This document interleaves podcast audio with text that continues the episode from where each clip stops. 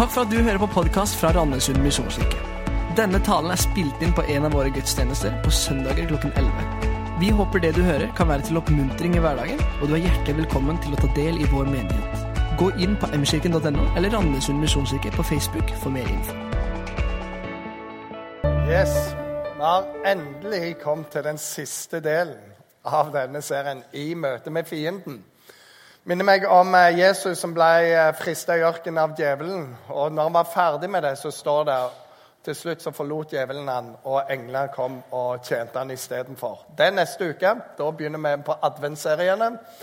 Og Da har du lyst til å komme tilbake, for da heter hele greia 'I lys'. Lys i mørket. Det er noe annet enn denne halloween-serien her, i møte med fienden. Men vi har vært i Dommerens bok dette femte uka, og vi har da sett på en sirkel av frafall og så elendighet. Så roper de på Gud, Gud kommer og redder dem, og de er kjempeglade, så glemmer de Gud, og så bare går det rundt og rundt. Og det har vært veldig mye krig, men dagens avslutning handler om en mann som heter Samson. Han leda ingen hær. Han bare drepte alle sjøl. Hvorfor trenger du en hær når du kan gjøre alt på egen hånd? Det er liksom, Han han er bare litt annerledes enn alle de andre. Og du kan jo av og til, når du ser nyheter, fæle ting Det kommer på VG, kommer på TV. Noen har gjort noe veldig grusomt. Og så får du høre de hadde en fæl oppvekst. Det var så mye ting i bagasjen der at du tenker ja, det måtte nesten gå sånn galt. Og det er nesten formildende. Men hva sier du med en som Samsung, da? Det var ingenting formildende med han. Foreldrene var barnløse og gudfryktige mennesker. Gode mennesker som ønsket å leve rettferdig. En dag så kom en engel, og så vet vi aldri navnet på mora. Vi vet bare at Manoa var faren, og kvinnen hans. Så engelen kommer til kvinnen hans med et budskap. Du skal ikke være barnløs lenger. Dette er et mønster vi ser flere ganger i Bibelen. At Gud kommer til folk som ikke får barn.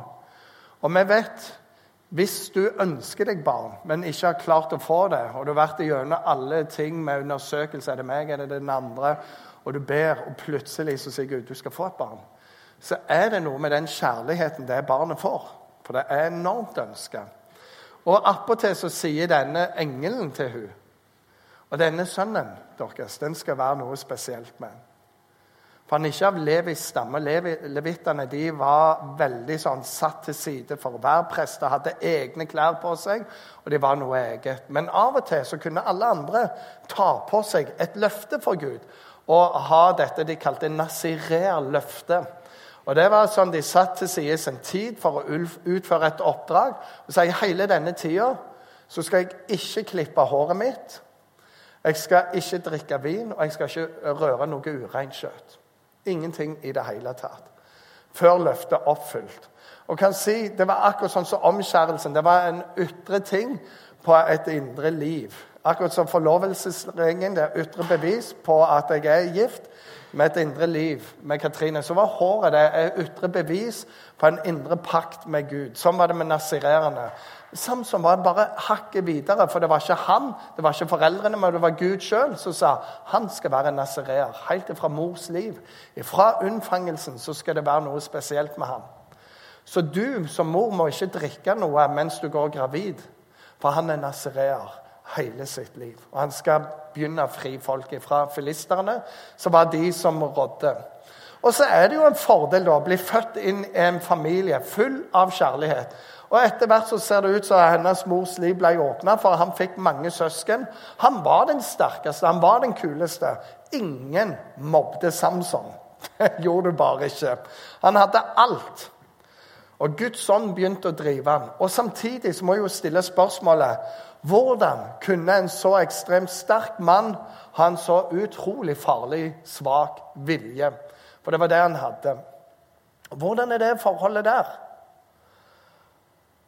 Hans største fiende var ikke andre folk. Hans største fiende var han sjøl. Og denne talen her har jeg via spesielt til oss mannfolk, for vi kan dessverre finne oss veldig mye igjen i han. Han hadde et begjær, han hadde en stolthet. Han hadde troen på at han fortjente, han fortjente alt sjøl. Og så tenkte han alltid ja, men det der takler jeg. Og det er ingen mannfolk som tenker sånn verken før eller etter han i verdens historie. Jeg klarer det, jeg fikser det. Jeg vet alle andre går til grunne, men jeg jeg kommer til å klare. Jeg vet hva jeg snakker om. Jeg vet hvor linja går. Jeg vet hvor tid det går, og jeg vet det. Han er den eneste mannen i verdenshistorien som har tenkt det og gjort det. Så, men vi skal følge litt her. Og, og, Vi begynner litt med disse versene her. Det står Herrens engel viste seg for henne. Dette da mora. Jeg vet at du er barnløs og kan ikke få barn, men du skal bli med barn og få en sønn. Nå må du akte deg så du ikke drikker vin eller sterkt drikk og ikke spiser noe ureint. For du skal bli med barn og få en sønn. Det skal aldri komme rake kniv på hans hode, for gutten skal være en Guds nazireer helt fra mors liv. Han skal ta til å berge Israel ut fra filisternes hånd. Det er jo veldig bra, da, å være et Guds barn fra begynnelsen av. Å ha et oppdrag fra begynnelsen av. Hva er hensikten med ditt liv? Ja, han visste det. Vi andre vi må bare gjette oss til det. Men han visste det hele tida. Og så, eh, så står det da videre Manoa ba til Herren, hør meg, Herre. La denne gudsmannen du sendte, komme hit igjen og lære oss hvordan vi skal bære oss av med det barnet. Faren ønsket å gjøre det som var riktig. Det var alt som var en. Bare lær oss. Så, så han spør kan den engelen komme tilbake igjen. Og engelen kommer tilbake igjen. Og hele hensikten hans er bare 'Hjelp meg å være den beste faren jeg kan være.' Hjelp meg sånn at Guds vilje oppnås her, så jeg ikke gjør dette dumt. For en far! Det er liksom utgangspunktet. Så står det kvinnen fikk en sønn og ga navnet Samson. Gutten vokste opp, og Herren velsigna ham. Og Herrens sånn begynte å drive ham. Det er et bra utgangspunkt for et bra liv. At Gud velsigner deg, og Gud begynner å drive deg. Da ligger liksom veien bane der til en rik tjeneste, til et rikt liv. Til bare å stå på for Herren. Men det gikk ikke veldig lenge bra. Dette er da Samson. Nå har han blitt, eh, kommet seg over tenåra, og han har oppdaget at det fins to kjønn. Og det andre er veldig skjønt. Jeg så en filisterpike i Timna, sa han til far sin. Henne må dere la meg få til kone. Foreldrene sa, for de er gudfryktige, fins det da ikke en pike blant fiendene er hele folket vårt, siden du vil gå og få frendene, beklager, og siden du vil gå og få deg en kone hos de uomskårne filistene. Men Samson sa til sin far, 'Henne må du la meg få, for det er henne jeg synes om.' Og Hvis du var her på de første gangene, så vet vi at eh, Gud hadde sagt veldig tydelig du får ikke lov å gifte dere med dem. For de bærer med seg en kultur og en væremåte som er avskyelig. Barneofring og mange avskyelige skikker hadde de med seg. Det var, bare, det var, det verste av det verste. Så jeg ikke bland dere med dem, for dere kommer til å bli som de. Dere kommer til å drive av gårde og bli like ille som de. Og det vil jeg ikke. Dere er et annerledes folk. Dere er et hellig folk. Og det er mer enn nok av våre egne. Men Samson han har noe som vi menn ofte sliter med, og det er et begjær. Han sier 'jeg vil ha hun'. Og han vil ikke lytte. Og som mange av oss så tenker han 'men det klarer jeg'. Aldri om hun får meg på arbeidet. Nei, nei, jeg vet det er mange andre svake israelitter, men Guds ånd bor jo i meg. Så Han har jo forbudt deg å gjøre det. Ja, Men det går veldig bra, for jeg klarer det. Jeg er mann nok. Jeg kan takle det. Du kan si 'for en mann'. Ja, men hvor mange ganger har ikke vi gjort det? Men jeg har så lyst på det. Og det trenger ikke være en annen person. Det kan være økonomiske ting. Det kan være en posisjon i, i arbeidslivet. Jeg skal bare ha det. Og, og, andre områder hvor folk sier til oss men du, det er ikke bra for deg. Så, men det der takler jeg. Jeg takler det. Jeg vet hvor grensa går. Jeg vet så utmerket godt hvor grensa går. Jeg kommer ikke til å gå over det. Og så er det nettopp det vi gjør. Og denne kvinnen her, det gikk ikke så veldig, veldig bra med han der. Så han går ned og vil gifte seg med henne. Og på vei ned der så kommer han Eh, eller så går han, så kommer plutselig en løve ut. Og det står her eh, Nei, beklager. Så kommer denne løven ut, og han får en styrke fra Gud. Så bare løven kommer for å ta han, og han bare Og der er løven død. Og, så, All right. Og så gjemmer han løven en plass, og så går han videre ned.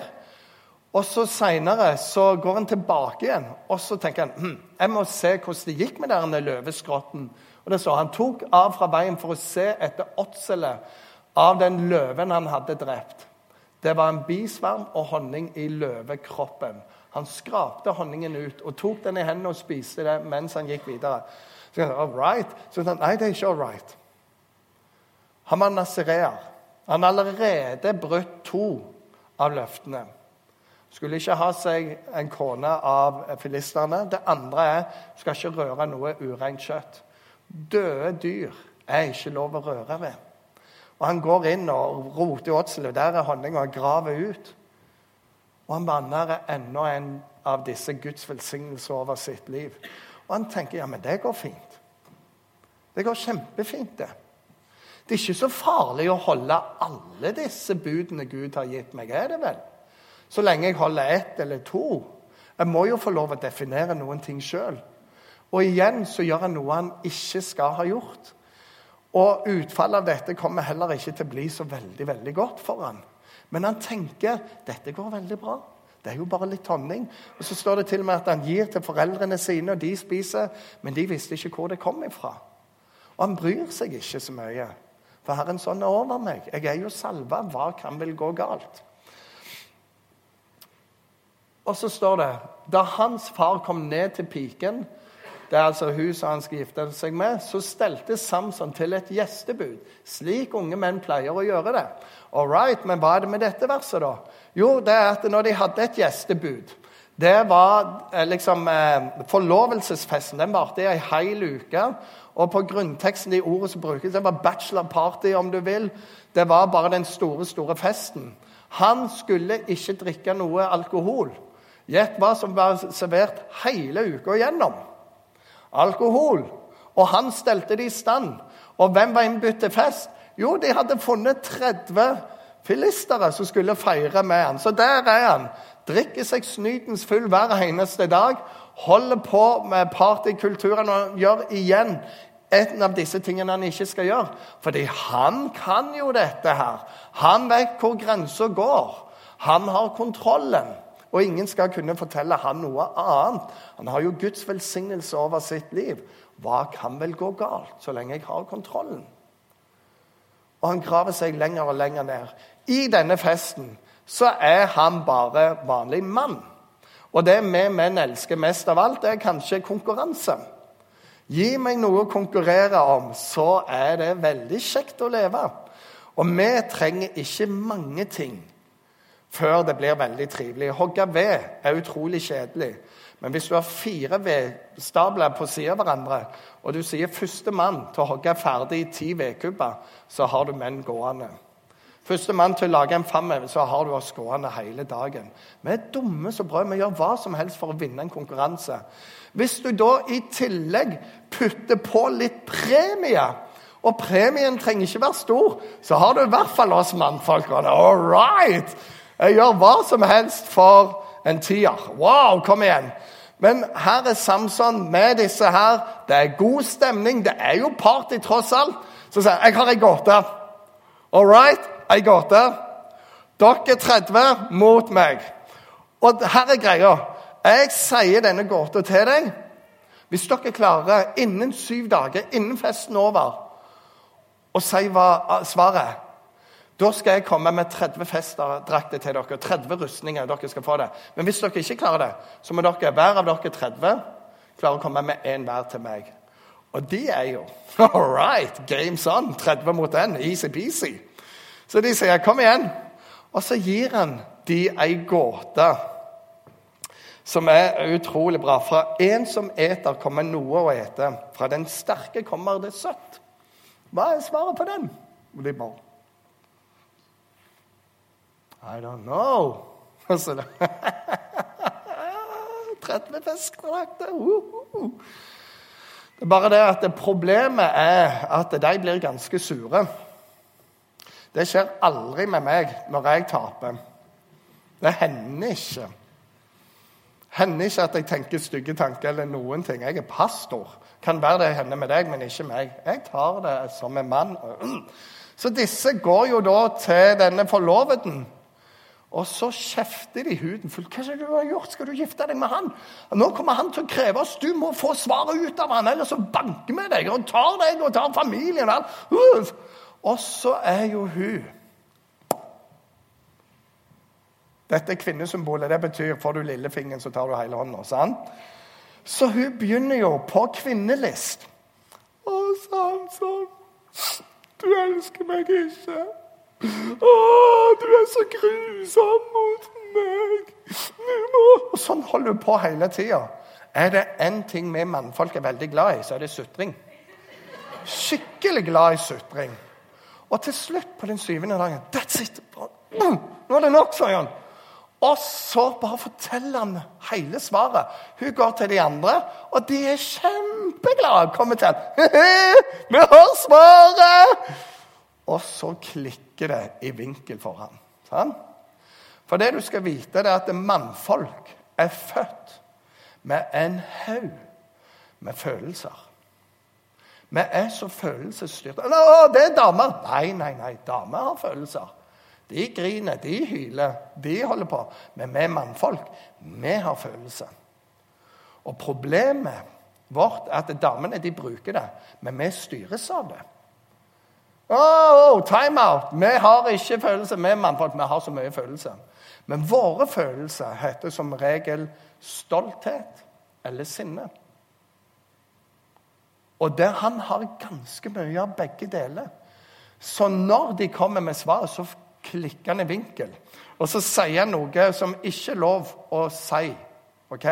Han sier, 'Hadde dere ikke pløyd med kvigen min' Du har ikke lov å kalle dama di for en kvige. ok? Hadde dere ikke pløyd med kvigen min, så hadde dere ikke løst gåten min. Ok? Det står i Bibelen, vi vet det, men det er ikke lov å si, for nå er han sint. Og Der står det Herrens ånd kom over ham med styrke. Dette rett etterpå. Han gikk ned til Ashkalon og slo i hjel 30 mann der.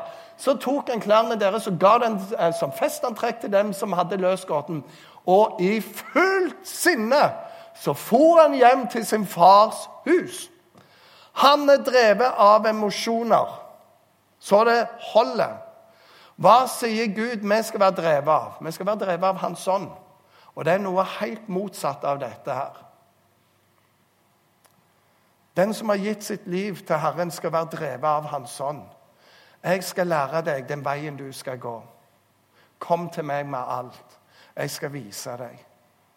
Legg din vei i Herrens hånd. Stol på Han, så griper Han inn. I hjertet planlegger mannen sin ferd, men Herren styrer hans gang.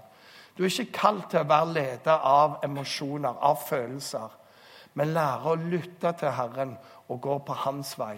Sinneveien den fører veldig dårlig med seg, men der er han. Og det som skjer etterpå Han bare reiser hjem til far sin, og så står det at denne kvinnen som han var så veldig glad i, hun blir gift med han fremste av disse 30 som var i festen. Og litt skikken som var det, var jo at hun var i gifteklar alder. Så hun var jo egentlig pynta klar til å gifte seg. Bryllupet skulle jo være der, gjestene var der. Men brudgommen er der ikke. Så er det litt sånn Ja, ja, vil du, da? Yeah, sure. Og så ordner de dette her. Det er liksom, det er veldig greit. Problemet er jo at Samson ikke får dette med seg, for han er jo bare en surpomp. Så litt seinere, en del seinere, når dette humøret har landa litt, tenker jeg jeg er jo grunnen glad i hun. Så han reiser tilbake igjen. Og de bare 'Hva gjør du her?' 'Nei, jeg kommer for å hente kona mi.' 'Nei, nei, nei, hun er jo gifta bort, hun.' 'Men du, du kan få en søster, og hun er yngre. Hun er jo mye penere', sier de. Så kan gifte deg med henne. Så nei, det vil jeg ikke. Og så klikker det igjen for fyren. Så hva er det de har funnet på? Nå har de stjålet kona fra meg. Så det han gjør da, det er at han bare går litt på en sånn revejakt. Han samler inn ikke mindre enn 300 100 rever. Binder de sammen i halen, så det er 150 par. og setter fakler på dem og sender dem av gårde. Det er en veldig god hevn. Så gikk han av sted og fanget 300 rever og fikk tak i fakler. Han bandt revene sammen etter halene, to og to, og festet en fakkel mellom hver halepar. Så tenkte han på faklene og slapp revene inn i filisternes åker. Slik brente han opp kornet, både det som var skåret og det som sto på rot, og likeens vingårder og olivenhager. Yeah, hurray! Dette er jo paradion! All avling er borte. Hva skjer med filistene, da? De har òg noe som kalles sinne. Og det er jo et interessant folkeslag i seg sjøl. Hva gjør de? De går bort til denne som skulle være svigerfaren og familien, og de dreper alle sammen. Det er deres takk for seg. Se hva Samson gjorde. Nå gjør vi dette. Hva skjer med Samson? Han er igjen rasende, så han dreper alle de som drepte alle de. Så var jo alle ferdig. Det er kjempebra å være styrt av følelser. Og nå er det kanskje ikke sånn at vi nødvendigvis går rundt og dreper alle. Men av og til så kan det jo være sånn at vi ødelegger ganske mye for oss sjøl og for andre når vi er sinte. Når vi er små, har bygd noe, så blir vi sinte. Hva gjør vi? Kaster det fra oss. Så knuser det. Fordi alle er Da skal jeg vi har en på seks år som øver seg veldig mye på dette for tida. Å ja, å ja, og da skal jeg øh, altså Bare må han finne noe å ødelegge. Han er ikke helt drevet med Guds vilje ennå. Vi jobber med han, men han er ikke helt der ennå. Og sånn kan du og meg òg gjøre. Så kan vi ødelegge relasjoner. Så kan vi gjøre ting som vi ikke skulle gjort. Og så sender noen en litt sånn der klein melding til oss. Og så kjenner vi å ja, eller på Facebook, eller på Instagram. Å ja! Og så, og så tenker du å nei. Og så er det bare av gårde. Og så kan du ikke trekke det tilbake igjen. Og så er det sinne. Sinne ødelegger så utrolig mye. Og her så har det jo da drept en hel haug. Det ene tingen som skjedde her så står det er det slik dere bærer dere an, så skal jeg ikke unne meg ro før jeg får hevne meg på dere alle. Så slo han dem, så de stupte over ende, og det ble et stort mannefall. Jeg, den som kontrollerer sitt sinne, den har vunnet mye. Sove på det. Ikke skrive. Ikke si igjen. Ta det en annen plass. Vente til det har roa seg, sånn at et hode kommer på plass igjen. Men det klarer ikke en. Og så Det som skjer etterpå Bare gå tilbake, beklager. Det er at når han har gjort alt dette, så blir jo alle sinte på han igjen. Naturlig nok. Så han har kommet seg hjem.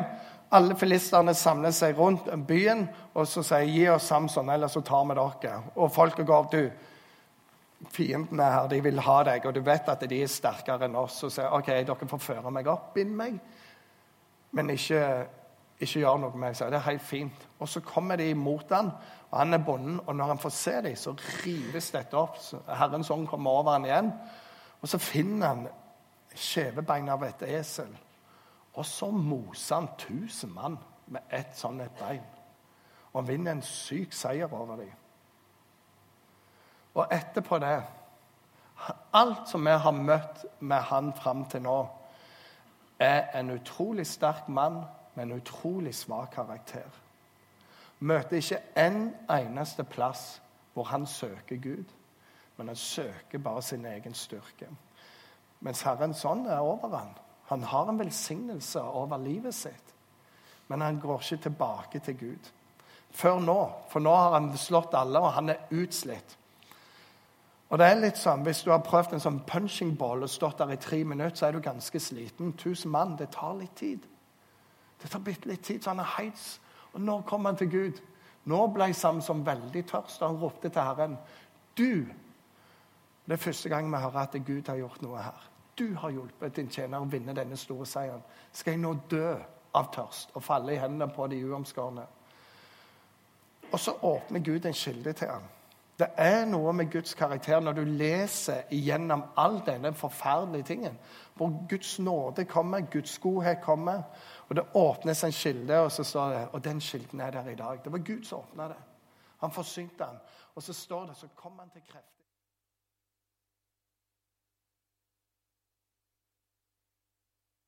I Israel i 20 år. Og de hadde det godt. Og det er lett å hoppe over. Men hva er greia med oss? For av og til så går det godt, det er stabilt, det er akkurat sånn som det skulle være. Men så begynner vi Åh, Det er så kjedelig. Stabil inntekt, stabil familie, stabil venneliv. Sørlandske godheten. Det er så stabilt og kjedelig at vi må jo gjøre noe snart. Og vi er der. Og utålmodigheten begynner i oss. Han kunne ha slutta der, men det klarer han jo ikke. Han er jo mann. Og vi må jo utføre noe, må vi vel ikke? Så igjen så har han jo denne bitte lille greia med damer. Så En gang så gikk Samson til Gaza. Der fikk han seg en skjøge, prostituert på gammel norsk, med skjøge fra 2011, og han gikk inn til henne. Og utenfor så finner jo disse filistene Det er Samson. Og han gjorde det med de revene, og han gjorde det med de folka, og han gjorde det med det eselbeinet. Nå kan vi ta han. De har venta antageligvis mange år på dette. her. Og de gjemmer seg med byporten for at når han kommer ut, så skal vi ta han. Problemet er at han kommer ut midt på natta når alle sover. Det han gjør med byporten, og det er noe sånn svært monster Han bare pff, reiser det opp, tar det på ryggen, setter det på en høyde, boom! Og så går han hjem. Han ydmyker de så etter noter. Men igjen så har han brutt nasareerløftet sitt. Og så står det i vers 4.: Siden ble Samson glad i en kvinne fra Sorekdalen som het Dalila. Mange sier antageligvis var hun òg en tempelprostituert. For disse jobbet med tempelet for guden Dagon. Nydelig gud som hadde fiskekropp og et menneskehode. Det tilba de. Det er fascinerende i seg sjøl, syns jo jeg, da. Men denne dama fikk tak på han. Og, hun, og så kommer menn til henne og sier hvis du sier hemmeligheten, så skal vi gjøre deg styrtrik. Og hun bare All right. Så hun begynner å plage ham. Samson, fortell meg, styrke meg hemmeligheten. Så, å, du er så sterk, du er så bra. Prøver alle listige metoder. Han lyver der han er god for hele tida, og hun går på hver eneste løgn. Og så sier filistene kommer, og hver gang så er han der. Hvor er de? Tre ganger lyver hun. Tre ganger, eh, tre ganger lyver han, tre ganger går hun på.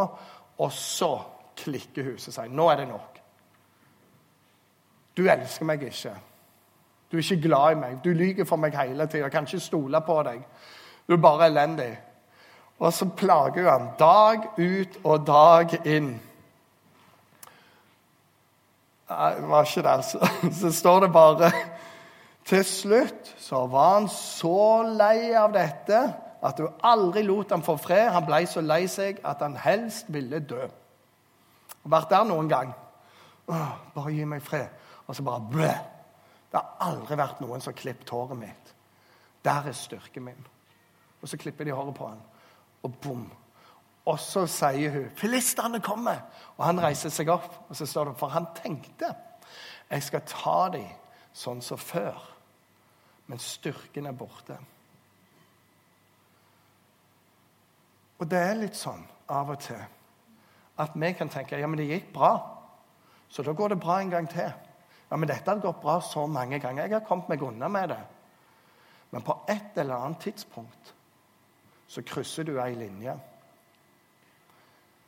der folk sier 'Nå har jeg fått nok av deg'. Du får ikke lov å være her lenger. Du har stjålet noe fra bedriften. Gå vekk. Du har stjålet så mye arbeidstid, du har tatt så mange ting. Du har tatt deg så mange friheter. Vil ikke se deg mer. Du har vært ute vært på en sånn måte som ikke er bra. Bare kom deg vekk herifra. Du har oppført deg på en sånn måte at du har lovt og lovt og lovt, og du har aldri holdt. Og jeg hører du lover igjen, men jeg er ferdig.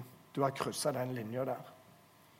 Du skulle gjøre, og du har sagt, jeg hører du sier igjen, men beklager. Jeg er nødt til å sette et vern for meg sjøl òg. Hvor er du på den linja? Hvilke ting er det du holder på med? Så tenker jeg ja, men jeg kommer unna med det. For på et tidspunkt så gjør du ikke det. Og det var det han tenkte. ja, men Det går bra denne gangen òg. Herren er jo med meg. Så jeg sa nei, du har bare brukt hele livet ditt på å ikke følge Herren. Og til slutt så hadde det en konsekvens. De tar han til fange. Det brenner ut øynene på han, stikker ut det som er igjen. Og så begynner de å plage han. Setter han til å male korn så han går rundt med sin sterke kropp, totalt i blinde. Og Seinere har de en svær, svær fest, og alle de som betyr noe, filisterhøvdingene, eh, prominente personer, alle er samlet til en fest og sier nå må vi hente ut Samson. Skal vi ha det gøy med han? Skal vi plage han, han som plagde oss? Og så får de han ut. Og han er en knust mann. Og menn som er knust, er ikke bra. Og vi har noen valg å gjøre når vi er knust. Vi kan skylde på alt og alle, og vi kan gi opp. Eller vi kan omvende oss til Gud. For selv om alt håp er ute, så er ikke alt håp ute med Gud. Det fins en tid å omvende seg på. Jeg har en bror som ødela hele livet sitt. Alle relasjoner, alltid sammen. Men han fant Jesus. Og så tok han ett og ett steg tilbake igjen. Han har tre unger, null kontakt. Ekskone, null kontakt. Familien vår, null kontakt. Han har gjort så utrolig mye dumt gjennom livet sitt. Men så fant han Jesus. Og så sier han jeg er så glad at Jesus ikke helbreder meg med en sånn F-16-fart. Men det er en sånn skilpaddehelbredelse. Jeg går gjennom smerte for smerte, men det betyr jeg går gjennom fra helbredelse til helbredelse. Jesus tok ikke det vekk sånn. Så har han gått tilbake til hele familien, til ungene sine, til ekskona. Og så er han gjenforent med alle. Som venn, som far, som bror. Og har en kjemperelasjon. Fordi han omvendte seg. Og så begynte han en ny vandring, og det var ikke lett for folk å tilgi. Han har virkelig vært dum. Virkelig, virkelig. Han har brutt alt. Du skjønner, du kan skylde på alle andre, eller du kan omvende deg. Og så kan du begynne å gå den lange veien tilbake igjen. Jeg har lyst til å fortelle om en pastor, og vi er snart inn for landing her. Han, eh, han sitter på en konferanse, og så går det opp for han at han har neglisjert kona si i alle år. Tjenesten var det viktigste. Hans store synd i livet var tjenesten for Gud. Så det går opp for han der han sitter på atter en konferanse vekke fra familien. Og han ringer til kona si og, griner og sier 'Beklager, jeg ser hva jeg har gjort.' 'Og du må tilgi meg, jeg skal være en annen ektemann fra nå av.' Og han får disse fantastiske ordene i den andre enden, som er mhm, mhm, OK, akkurat. Ha det. Så legger han på. Det er det beste han kunne hoppe. Og etterpå så kan du jo velge Å, oh, det var det, men han Yes! I'm back in the game. han hadde en lang vei. Og det er noe med Du må snu. Og så må du gå veien tilbake. Har du brukt 20 år på å ødelegge noe, så vet du hva du har å gjøre de 20 neste årene. Det er ikke gjort i en fei, det du har ødelagt. Det som er for Samson, det er at han står der, han og til slutt så kommer han til den andre omvendelsen i livet sitt. Det står det var fullt av menn og kvinner. Alle filister, fyrstene, var der. Alle de viktige. Samson roper til Herren og sier, 'Herregud, kom meg i hu og gi meg styrke bare for den ene gangen.' Så jeg kan hevne meg på filistene for ett av øynene mine. Og så bare står han der og med all sin kraft bare, vroom, Og så raser alt. Og 3000 dør, og han dør med dem. Og det endrer masse. Og så kan en si wow. Så sier jeg, nei, nei. For en mann er det egentlig ikke så vanskelig å dø engang. For det er noe i oss menn som ofrer oss. Hvis det hadde vært et innbrudd, og det hadde vært kone og dine barn En mann hopper opp, og du er villig til å ofre livet ditt en gang. Det er noe med oss som av og til gjør at det kommer noe ut, fordi det er en mann. Mannen er skapt for å kjempe for noe. Det er egentlig ikke så vanskelig, men du gjør det bare én gang. Det som er vanskelig, Det er det Jesus sier. Den som vil følge meg, han må komme til meg, og hver eneste dag må han dø fra seg sjøl. Det er det vanskelige for oss. Men det er det vi er kalt til. Hver dag ta opp sitt kors, dø fra seg sjøl og leve for meg. For der er ikke plass til stoltheten. Og det er ikke jeg og mitt. For det er en annen som er i sentrum enn meg, og det er Jesus. Så er hans vilje mitt liv. Det er noen ting som er høyere enn meg, og det vil jeg ha i livet mitt. Disse søylene, Da drar han ned disse fiendene. Og spørsmålet mitt er så hva er de søylene i ditt liv som du trenger bare å si i Jesu navn? Du bare river det ned. Og så skal de aldri få lov å fange meg mer. Hva er de søylene i ditt liv? Og hva er det du trenger å dø ifra? Djevelen ønsker å gjøre sterke menn til svake. Gud elsker å gjøre svake menn til sterke. Og du kommer aldri til å bli heil ifra styrken din. Du kommer til å bli heil ifra der du er ærlig, og der du sier 'hjelp meg, Gud'. Når vi våger å være sårbare, der kommer Gud inn. Bibelen sier igjen og igjen og igjen. Og Guds kraft kom. Og det er noe av dette. I møte med fienden så er dette møtet et møte med oss sjøl. Med vår stolthet, med vår feighet, med vår egoisme, narsissisme så det holder. Vi kaller ikke til å dø én gang, vi kaller til å dø hver dag. Sånn at Kristus kan leve og skinne gjennom oss. Og så har jeg lyst helt til slutt å si hva enn som du måtte ha brutt, så er det ikke slutt. Du kan reise deg igjen. Jeg har sett så mange som reiser seg igjen. Du kan velge å bli liggende, men du kan òg reise deg. Og så kan du begynne å gå. For Herren din Gud er for deg, en helt som har makt til å frelse. Han gleder og fryder seg over deg. Disse små stegene. Og det som er det beste bibelverset av de alle her, det står i kapittel 16, vers 22. Men håret hans begynte å vokse med det samme det var rake. Og hvorfor rakte de det ikke av igjen? Fordi de hadde ingen nådig Gud. Dagon var ingen nådig Gud. De visste har du brutt Gud, så er du død. La oss heller holde han i live, for det er verre enn å la han Gud. De visste ikke at vår Gud er en nådig Gud. Alt var raka, men det begynner å vokse, og Guds kraft kommer han for det igjen. Så for hva det er verdt, på ditt hode, så begynner det å vokse igjen. Guds nådestund er ikke over. Himmelske Far, jeg takker deg for denne historien og jeg takker deg for denne boka. Som, den er vanskelig å forstå. Det er så mye krig og elendighet. Men det vi kan lese, det er din trofasthet den er ny hver morgen. Din omsorg for oss den tar aldri slutt. Selv om vi er troløse, så er du trofast. Og Herre, selv med en så svak karakter i et så gudgitt potensial, så gir du aldri opp på Samson. Selv i slutten av hans liv så gir du han styrke. Håret vokser ut igjen. Herre, jeg ber for oss om du må hjelpe oss å dø ifra oss sjøl og leve for deg. Hjelp oss å ikke søke vår styrke, men styrken som finnes i deg til hver eneste dag. Herre, hjelp oss å leve nær deg istedenfor å nær leve nær våre følelser og tanker. Hjelp oss å leve tett med deg, Herre. Jeg ber om det i Jesu navn. Jeg takker deg for dommernes bok er full av nåde, full av mulighet. Og Herre, jeg takker deg for at eh, våre feil, våre mangler, det trenger ikke være slutten på livet vårt. For med deg så starter du en ny historie i våre liv. Hjelp oss, Herre, til å være hos deg. Jeg ber om det i Jesu navn. Amen. Amen.